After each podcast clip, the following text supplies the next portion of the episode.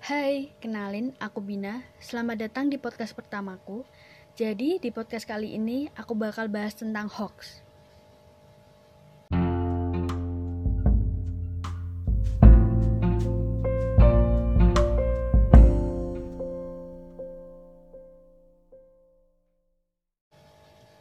Kalian pasti sudah nggak asing nih dengan kata hoax. Tapi, apa kalian tahu apa itu hoax? Hoax adalah sebutan bagi sebuah berita, ucapan, maupun kalimat yang tidak bisa atau belum dibuktikan kebenarannya melalui data-data yang real. Biasanya, hoax digunakan untuk menimbulkan konflik pro kontra, memprovokasi masyarakat, menebar kebencian, menjatuhkan pihak lain, yang pada akhirnya memecah belah masyarakat. Di era digital seperti sekarang ini, masalah hoax mulai cepat menyebar. Karena sekarang orang-orang sangat mudah mengakses internet. Mereka melakukan penyebaran konten-konten hoax untuk mendapatkan tujuan yang mereka lakukan.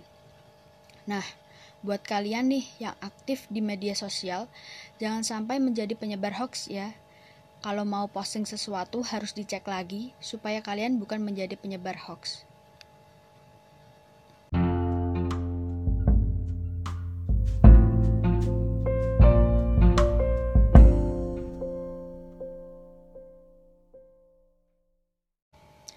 Selanjutnya, aku bakal bahas dampak dari hoax.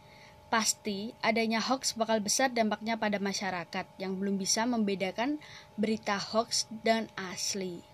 Kalian sebagai pengguna media sosial harus paham membedakan hoax karena media sosial itu penggunanya banyak. Jadi sekali terjadi kesalahpahaman, maka akan menjadi konsumsi semua orang yang melihat.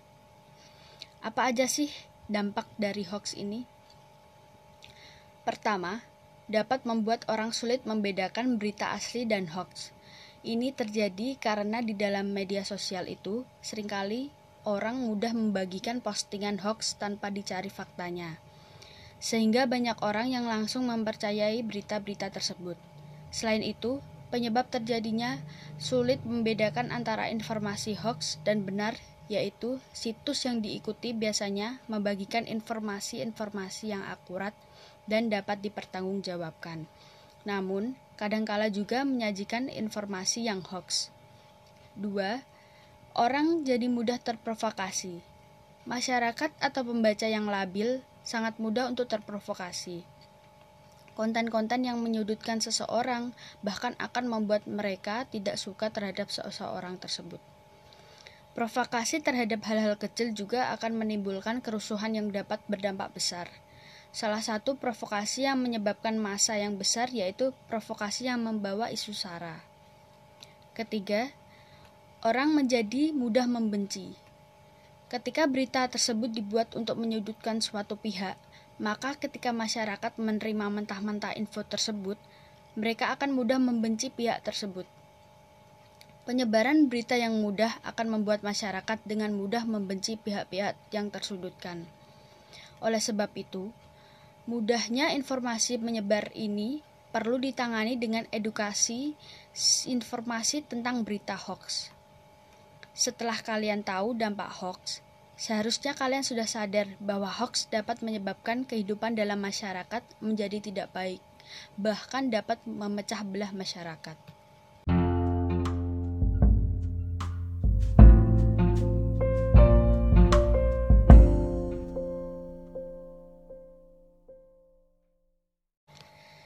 Kalian sudah tahu kan hoax itu berbahaya? Jadi harus dilakukan pencegahan agar kita terhindar dari hoax. Perlunya memahami informasi yang didapatkan akan menghindarkan kita dari bahaya hoax. Semakin banyak informasi yang tidak sesuai, menandakan bahwa masyarakat belum memahami cara membedakan konten hoax dan asli. Oleh karena itu, kita harus tahu cara pencegahan hoax agar tidak salah menerima informasi. Cara yang dapat dilakukan yaitu yang pertama, hati-hati dengan judul provokatif. Seringkali berita hoax menggunakan judul sensasional yang provokatif. Isi dalam berita bisa diambil dari media resmi yang diubah-ubah agar menarik persepsi sang pembaca. Kedua, cermati alamat situs. Informasi yang mencantumkan sebuah link harus diteliti ulang sebelum dibuka. Berita berasal dari suatu situs yang terverifikasi Dewan Pers akan lebih mudah diminta pertanggungjawabannya. Ketiga, periksa fakta. Perhatikan keberimbangan sebuah berita perlu mencari pembanding agar mendapatkan gambaran utuh suatu berita. Keempat, cek keaslian foto. Di era digital seperti ini, bukan hanya konten berupa teks yang dapat dimanipulasi, tetapi juga konten berupa video dan foto. Bisa saja pembuat berita memanipulasi gambar untuk memprovokasi. Dengan begitu, kalian dapat terprovokasi. Kalian dapat melakukan pengecekan dengan menggunakan Google Image. Kelima, ikut serta grup diskusi anti hoax.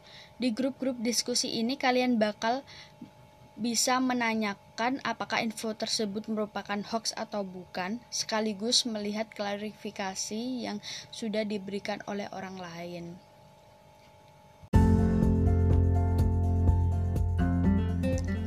Aku harap setelah kalian dengerin podcast ini, kalian juga bisa memerangi konten-konten hoax. Terima kasih buat kalian semua yang udah dengerin podcastku. Semoga bermanfaat dan see you. Bye.